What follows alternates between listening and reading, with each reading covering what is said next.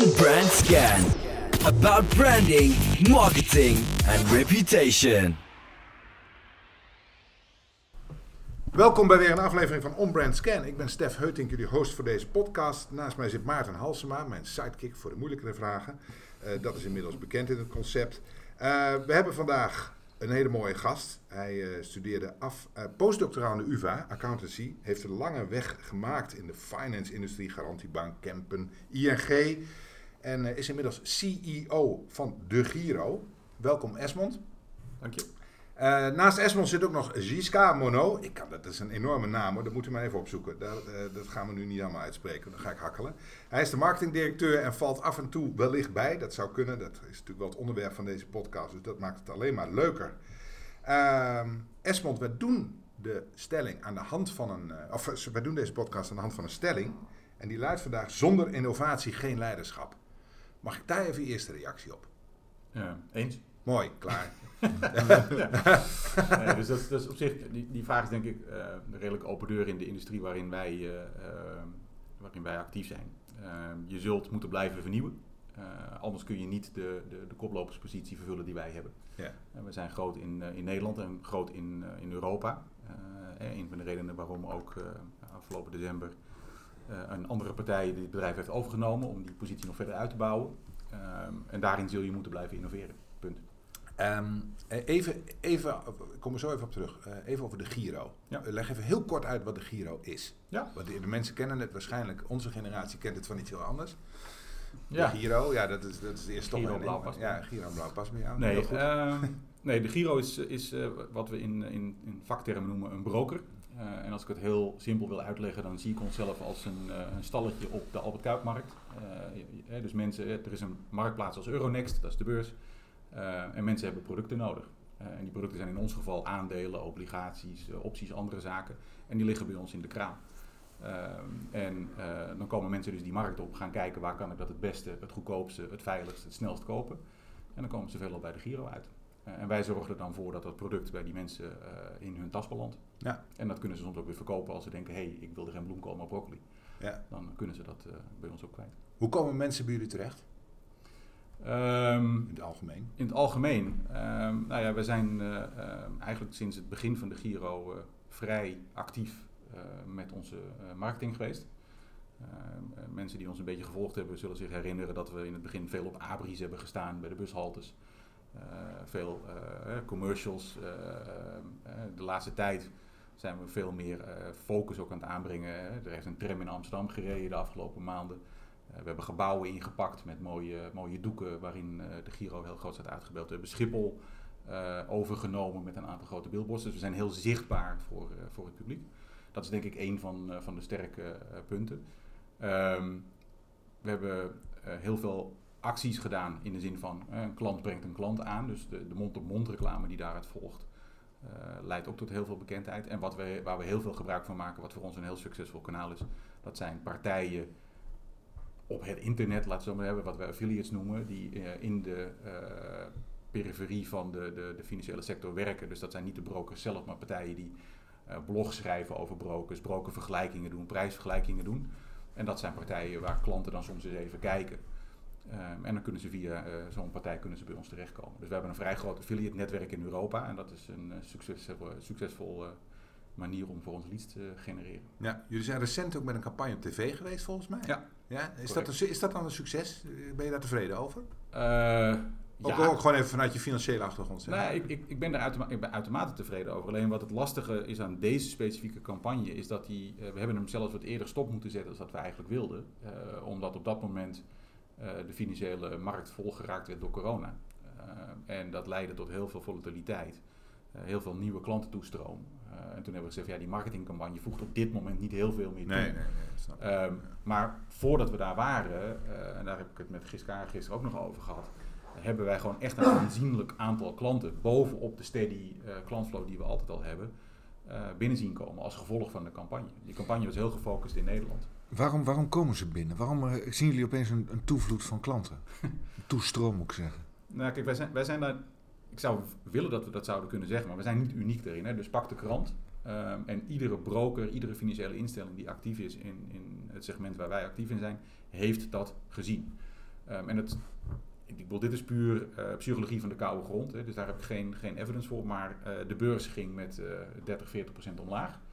Ehm, in tegenstelling tot het verleden, waar over het algemeen de particuliere belegger, als die instapte, moest je wegwezen. Eh, eh, zijn de particulieren nu juist degene die gezegd hebben: hé, hey, de beurs gaat omlaag, we stappen nu in.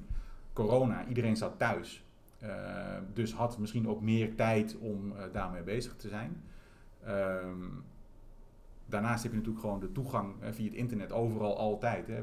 Je kunt nu bij ons ook sinds een jaar volledig online onboarden. Hè. Daarvoor had je altijd nog even je desktop nodig, dus moest je thuis iets doen. Dat kan nu volledig online. Die combinatie van factoren ehm, heeft ervoor gezorgd dat er in één keer een enorme boom aan mensen is die bereid waren om in te stappen. Nou, en dan komt er wel een van de ehm, belangrijke punten, sterke punten van de Giro, denk ik, kijken. Dus als jij een klant bent die past binnen de ideale klant zoals wij hem typeren, dan ben je binnen 10 minuten ben je klant. En wat is de ideale klant? Nou, de ideale klant is een klant die in beginsel eh, met, een, met een overzichtelijk bedrag wil beleggen. Die als hij binnenkomt eh, gewoon een, een, een, een rechtschapen Nederlands, Spaans, Duitse sta- staatsburger is. Die eh, geen eh, politieke persoon betreft, die niet ergens op een sanctielijst of iets dergelijks voorkomt. En die gaat vrij recht toe recht aan door ons onboardingsproces heen. Als hij zijn, paspoort gewoon scant en dat werkt gewoon in, in 85% van de gevallen, dan is hij dus in 10 minuten klant. En dan komt daar nog eens bij, en dat zien jullie bij andere brokers niet zien, is dat op het moment dat een klant via Ideaal een eerste storting doet, dan kan hij ook echt drie seconden later over dat geld beschikken. Dus je hoeft niet geld te storten, twee dagen wachten tot het op mijn rekening staat, dan pas beleggen. Nee, je kan bij ons dus in 10 minuten up en running zijn. En dat Als, je, is, eh, als, je, als ik het zo hoor, hè, je zegt ehm, eh, tegenwoordig stappen consumenten ook in. Ja. Eh, weten ze ook dat ze moeten instappen Ja. als, de, als de koersen zijn gedaald. Ja. Dan heb je dus te maken met een hele geëmancipeerde klant, een ontwikkelde klant. Dat maakt het voor jullie ook lastig, want je zult dan meer, ze zullen ook kritischer zijn. Ik kan me voorstellen dat ze zeggen, oké, wat zijn jullie USP's? Waarin onderscheiden jullie je van een aantal van jullie concurrenten? Ik vind het een goede vraag. Ik kan hem, ik kan hem niet beantwoorden op basis van eh, klantonderzoek. Hè. Dus het is niet zo dat we... Hè, we weten wel waar klanten vandaan komen. En, ehm, maar we... Nou goed, en Siska vul me vooral aan als ik het daar niet goed zeg. Maar we meten niet echt ehm, de reden waarom een klant klant wordt. Dus, dus, dus de vraag van eh, wat, wat triggert die klant, dat vind ik lastig. Maar we hebben natuurlijk ook te maken met een negatief renteklimaat. Ja. Dus ehm, wat mensen zich gewoon realiseren is dat vastgoed is niet meer te betalen. Eh, je geld op de bank laten staan eh, levert niks op of kost je geld. Nou, wil je dan kapitaal opbouwen voor de toekomst, dan zul je moeten beleggen. We zagen vooral ook een, we zagen vooral ook een grote instroom van dertigers. Dat vond ik heel opvallend. Nu zeg maar, en dat gebeurde eigenlijk al, zag je eigenlijk al in januari gebeuren. Eh, en ik denk dat, denk dat dat voornamelijk te maken heeft met inderdaad negatieve rente. En dat mensen eh, echt wel op zoek gaan naar andere manieren om, eh, om hun vermogen voor zich te laten werken. Kun je verklaren waarom het met name dertigers zijn? Nou, ik denk dat dat met name een groep is eh, die. eh, oh, sorry.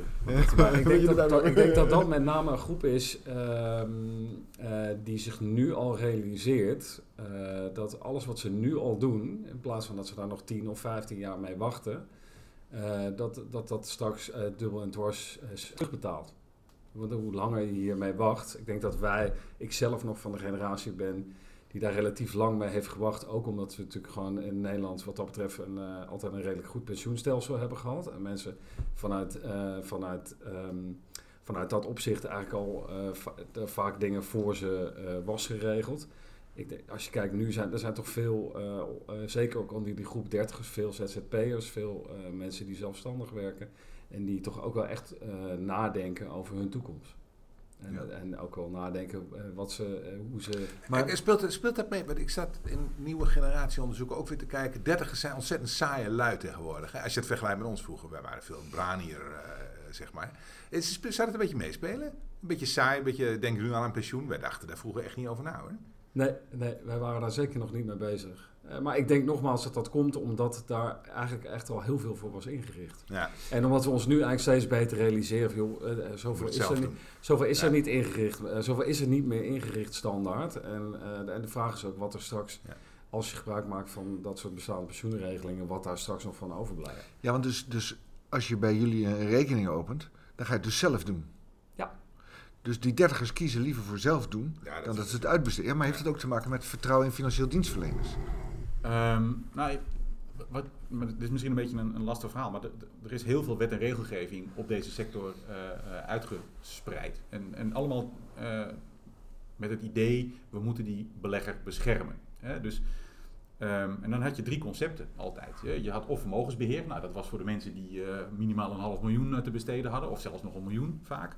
Dus een hele grote groep valt daar niet onder. Dan had je advies. En advies, daar zie je gewoon echt in de afgelopen jaren. Daar zijn heel veel bedrijven die hebben zich daaruit teruggetrokken.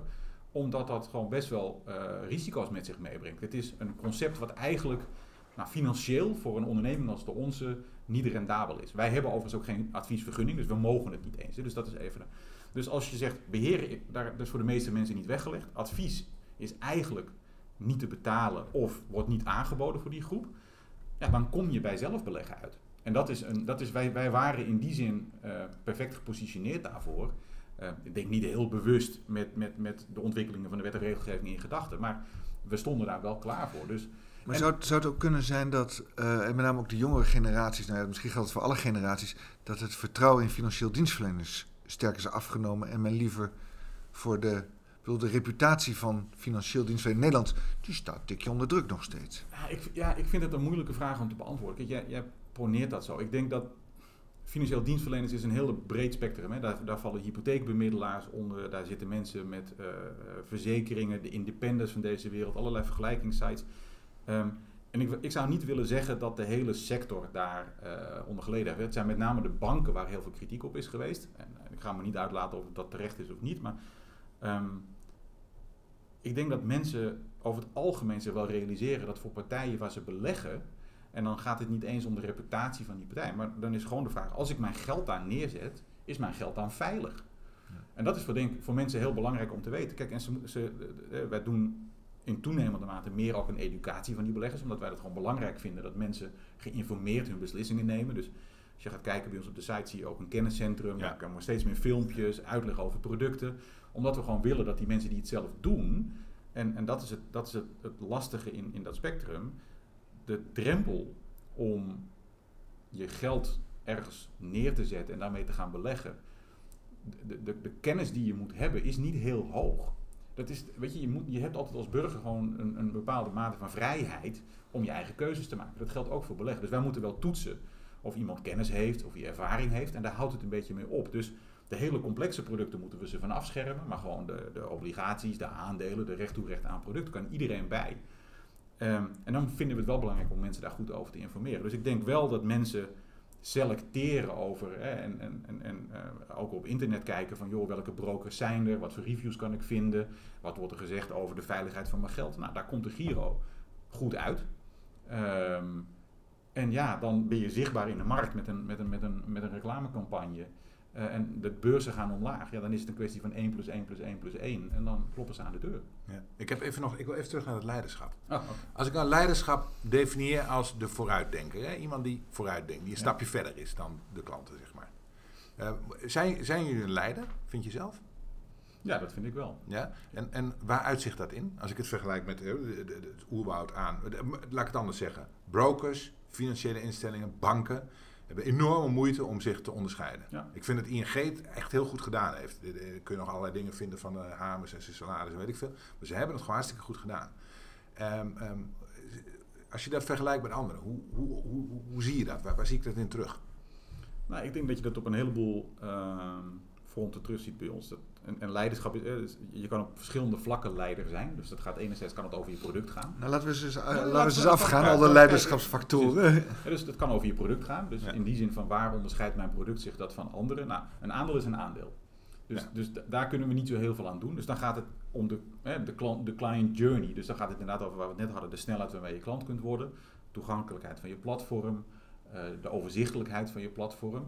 Nou, dat zijn dingen waar wij denk ik echt in, in, in, in uitblinken. En ik, ben de laatste om eh, te ontkennen dat ook concurrenten daar echt wel stapjes in maken. Dus je gaat wel uiteindelijk ook naar dat platform. Dat wordt een soort gemeengoed. Het voordeel is dat wij dat platform dus al hadden. Dus wij, hè, waar, waar partijen nu aan het bouwen zijn aan dat platform, kunnen wij zeggen, bij ons stond dat al. Dus wij zijn met de add-ons bezig. Nou, dan had ik het net over opvoeden, opleiden, hè, kennisoverdracht. Ik denk dat er vrij weinig partijen zijn die proberen die kennis eh, bij de klant te krijgen, zoals wij dat doen in de execution-only sfeer. Eh, dus dat vind ik een stuk leiderschap. Dan heb je het over eh, moreel leiderschap. Dat is helemaal een beladen woord. Hè. Ik wil, dus daar wil ik wel heel voorzichtig in zijn. Maar de discussies die wij hier in dit huis bij Tijd en Wijle voeren... ehm, over type producten die we wel of niet op ons platform willen zetten voor de klanten. Wat zijn dan producten die er niet op zou willen hebben? Nou ja, als je bijvoorbeeld kijkt, en, en, en tegenwoordig is dat ook alweer met, met wet en regelgeving aan banden gelegd. Maar eh, een jaar of twee jaar geleden, ehm, er zijn concurrenten van ons die, waarbij het businessmodel eigenlijk is, het geld wat op dit moment bij de klant staat, moet een jaar later bij mij op mijn bankrekening staan. En dat wordt over het algemeen gedaan met producten als eh, CFD's, Contracts for Differences. Daar zit heel veel eh, hefboomwerking in.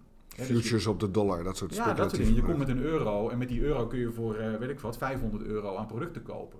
Dat soort producten heb je bij ons nooit op het schap gezien. Zul je ook nooit zien. En dat vind ik ook gewoon belangrijk, omdat het is een soort ehm, voorspelbare teleurstelling. En die probeer ik wel zoveel mogelijk te voorkomen. Hoe brengen jullie die boodschap over? Dat jullie zorgvuldig zijn en dat jullie eh, willen onderwijzen. Hoe, hoe breng je dat voor het voetlicht? Goeie vraag. Ik denk misschien nog te weinig. Hè, we, zijn, ehm, we zijn wel bezig met een partij en dan wordt het eigenlijk meer een reeks. Hè, dus ook over de historie van beleggen, de werking van beurzen. eh, hè, dus ook mensen duidelijk maken ehm, hoe je in onze mening zou moeten beleggen. En dan gaat het dus echt over, ehm, hè, het maakt niet uit wanneer je instapt. Hè, dus market timing, joh, vergeet het maar. Stap gewoon in. Blijf gewoon, hè, koop iets, eh, houd iets. Eh, ga, niet, ja, hè, ga niet continu eh, wisselen. eh, stort elke maand 50 of 100 euro. Doe daar je transactie. En gewoon, en Maar dan verdienen jullie toch niks meer? Ehm, ja, maar en dit vind, ik- dus wel een hele leuke vraag. Kijk, ja, wij moeten een boterham verdienen. Punt. En er is, er is een groep beleggers die, ehm, die vindt ook dat ze het zelf, eh, eh, zelf goed doen. En dat zijn de mensen die veel transacties doen en die proberen op basis van bepaalde strategieën. Nou, een grote, een grote groep van onze klanten bestaat daaruit. Nou, daar verdienen wij ook geld aan. Want dat zijn mensen die zijn gewoon actief. Dus een actieve belegger is voor ons belangrijk. Maar ik heb niet als doelstelling om op ons platform eh, een miljoen actieve beleggers te hebben. Ik heb er veel meer aan als ik een langdurige relatie met mijn klant kan opbouwen. eh, waardoor ik vertrouwen creëer, hebben we het woord weer. eh, waarbij een klant terug blijft komen, één keer in de maand een transactie doet. En als ik dan mijn klantbasis zo groot kan maken dat ik daar gewoon op een normale manier geld mee kan verdienen, dan ben ik blij, maar is ook de klant blij. En dat vind ik veel belangrijker dan dat ik over een jaar kan zeggen: joh, we hebben een topjaar gehad en onze klanten zijn allemaal teleurgesteld. Ik wil, En weten jullie klanten dit? Nee, dat moet ik eigenlijk aan jullie vragen.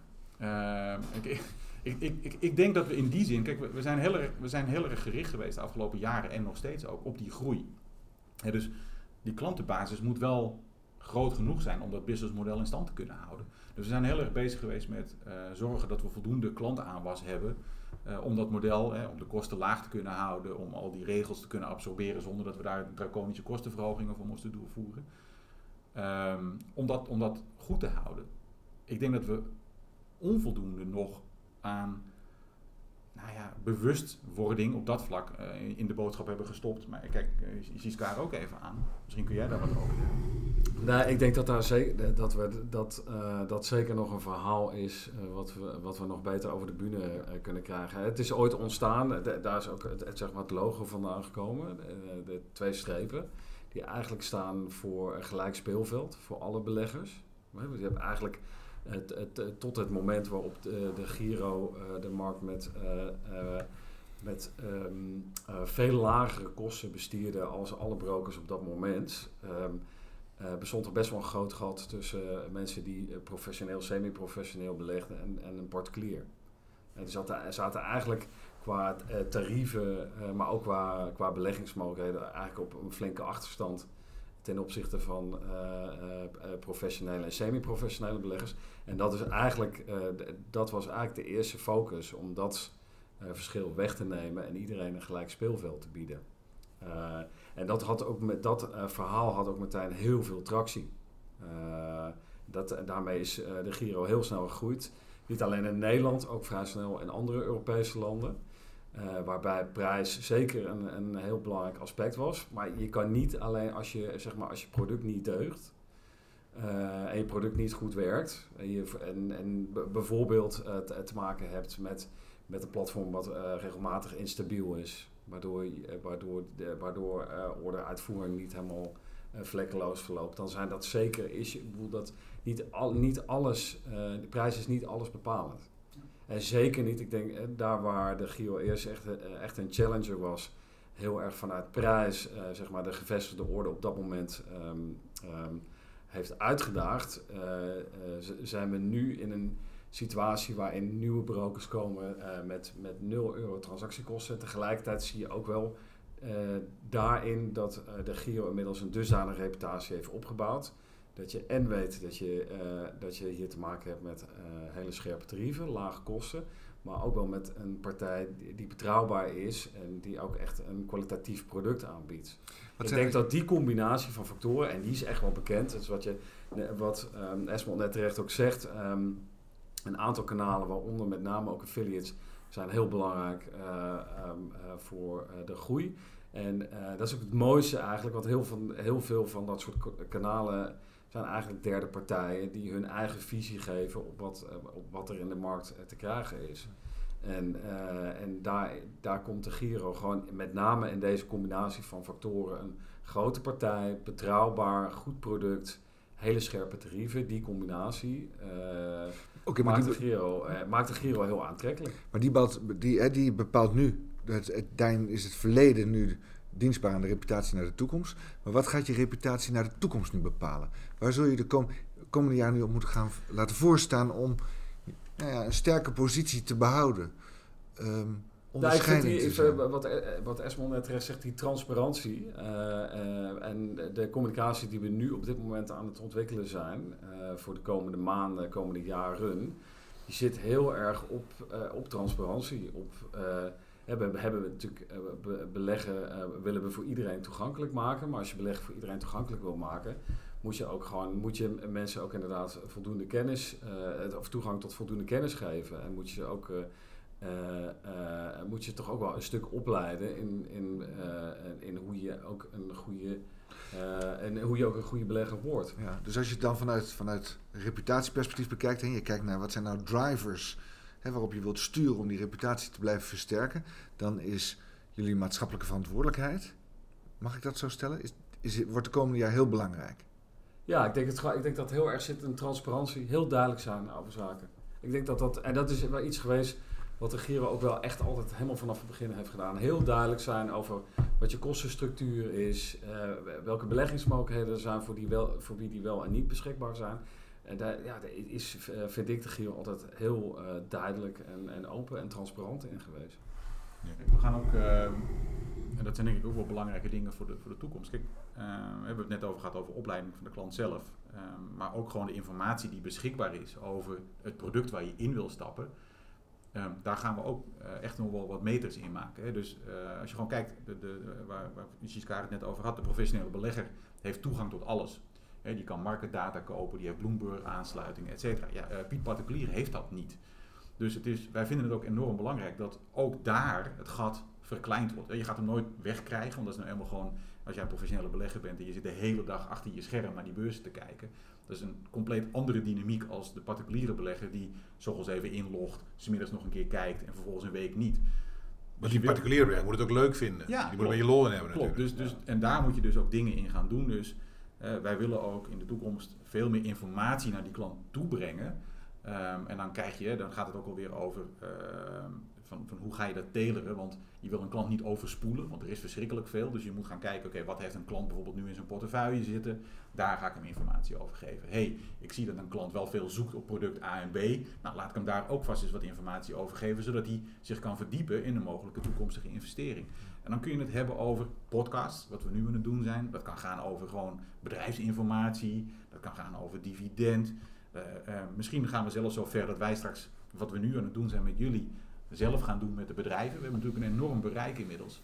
Ehm, dat wij dan naar een bedrijf toe gaan en zeggen, joh, weet je, allemaal hartstikke leuk. Maar vertel onze beleggers nou eens waarom ze in jou zouden Ja. moeten investeren. En Dus, dus jullie secundaire rol, kennissenoverdracht, is dat een secundaire rol? Die wordt steeds Ja, belangrijker. in, in, in, Ja. in, in de brede gradatie. Ja. Ik, wilde, ik wilde nog iets anders vragen. Hè? Ja. Jullie naam, de Giro. Ja. Ik heb daar als bepaalde associaties bij. Ja. Dus het kost niet veel.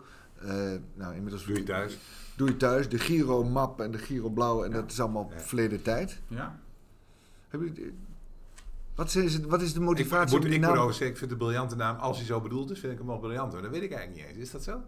Nou ja, ik moet eerlijk zeggen, dat het, hè, maar dit weet ik uit de overlevering. Ik, Ja. ik was er natuurlijk niet bij dat we Tijdje dat het bedrijf ja. opgericht werd. Maar het is niet, het is niet een, een, volgens mij een hele bewuste keuze geweest. Hè. Er is op een gegeven moment eh, wel nagedacht over wat, wat bekt er lekker. Ehm, je zoekt natuurlijk wel, zeker in deze sector, daar hebben we het al een paar keer over gehad, over veilig, over vertrouwd. Nou, die naam in Nederland, top. Weet je, iedereen heeft die associatie die jij, die jij schetst. We merken overigens wel dat in het buitenland is het soms wel wat lastig. Hè? In Italië heb je ook een andere de Giro, dus er Ja. zitten wat andere eh, uitspreken is soms ook best wel lastig met die harde G van ons. Ehm, ik denk dat hè, dus de, de internationale expansie is in die naamkeuze niet, eh, eh, denk ik, niet, niet voldoende meegenomen. Maar nou, hij is wel in ieder geval kort, dus dat, dat scheelt. Daarbij kwam dat als je dan gaat kijken van joh, ehm, wat is er beschikbaar? Volgens mij was op dat moment ook toevallig zo dat die handelsnaam vrij was. Hij kwam beschikbaar. Ja, En, eh, en eh, daar hebben de, de heren, de- hij kwam beschikbaar en daar hebben de heren oprichters toen eh, dankbaar gebruik van gemaakt. ja. En volgens mij is het, ooit- het is volgens mij een beetje in eerste instantie als een soort van werktitel begonnen, maar er zat gewoon wel heel het, het was wel heel snel heel logisch. Ach, het is ook nog een hele mooie, flamboyante wielerronde tenslotte. Ah, Dus ja. eh, eh, niks mis mee. Niks mis mee. Eh, en het, het enige, het opvallen, wat wel, heel gek, wat wel heel grappig aan de naam is, is dat je, de- het, het, het, het leent zich niet om lidwoorden voor te zetten. Je kan het niet hebben over de, de Giro. Nee.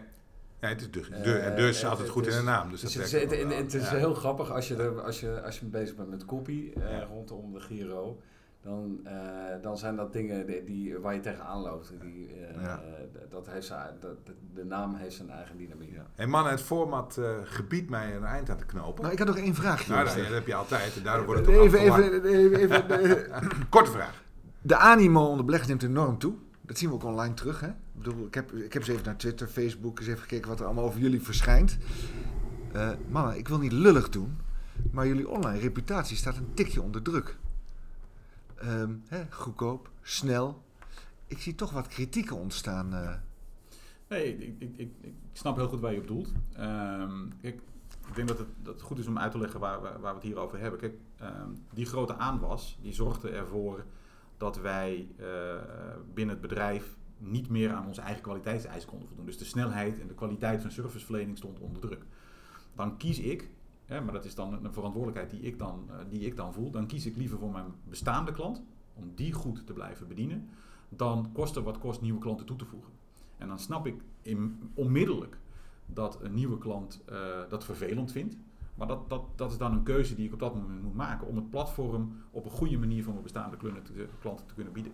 Wat jij dus ook ziet op internet, waar je naar verwijst, dat zijn jammer genoeg klanten die dus inderdaad net even na de cut-off moment zich registreerden en eh, geen klant konden worden op dat moment. Nou, eh, ik, ben, ik kan gelukkig zeggen dat we inmiddels gewoon weer open zijn. En niet open in de zin dat we iedereen eh, eh, maximaal welkom heten. Maar we zijn wel in een heel hoog tempo die, die, die mensen die zich hebben geregistreerd aan het benaderen. met de vraag van joh, we zijn weer open, wil je nog steeds klant worden? Dus ik hoop, ik verwacht en ik denk ook echt dat dat een, een, een korte dip is geweest in, in, in, in, in de historie van de Giro. Wel een hele bewuste keuze. En nogmaals, bestaande klant gaat dan even voor de nieuwe klant.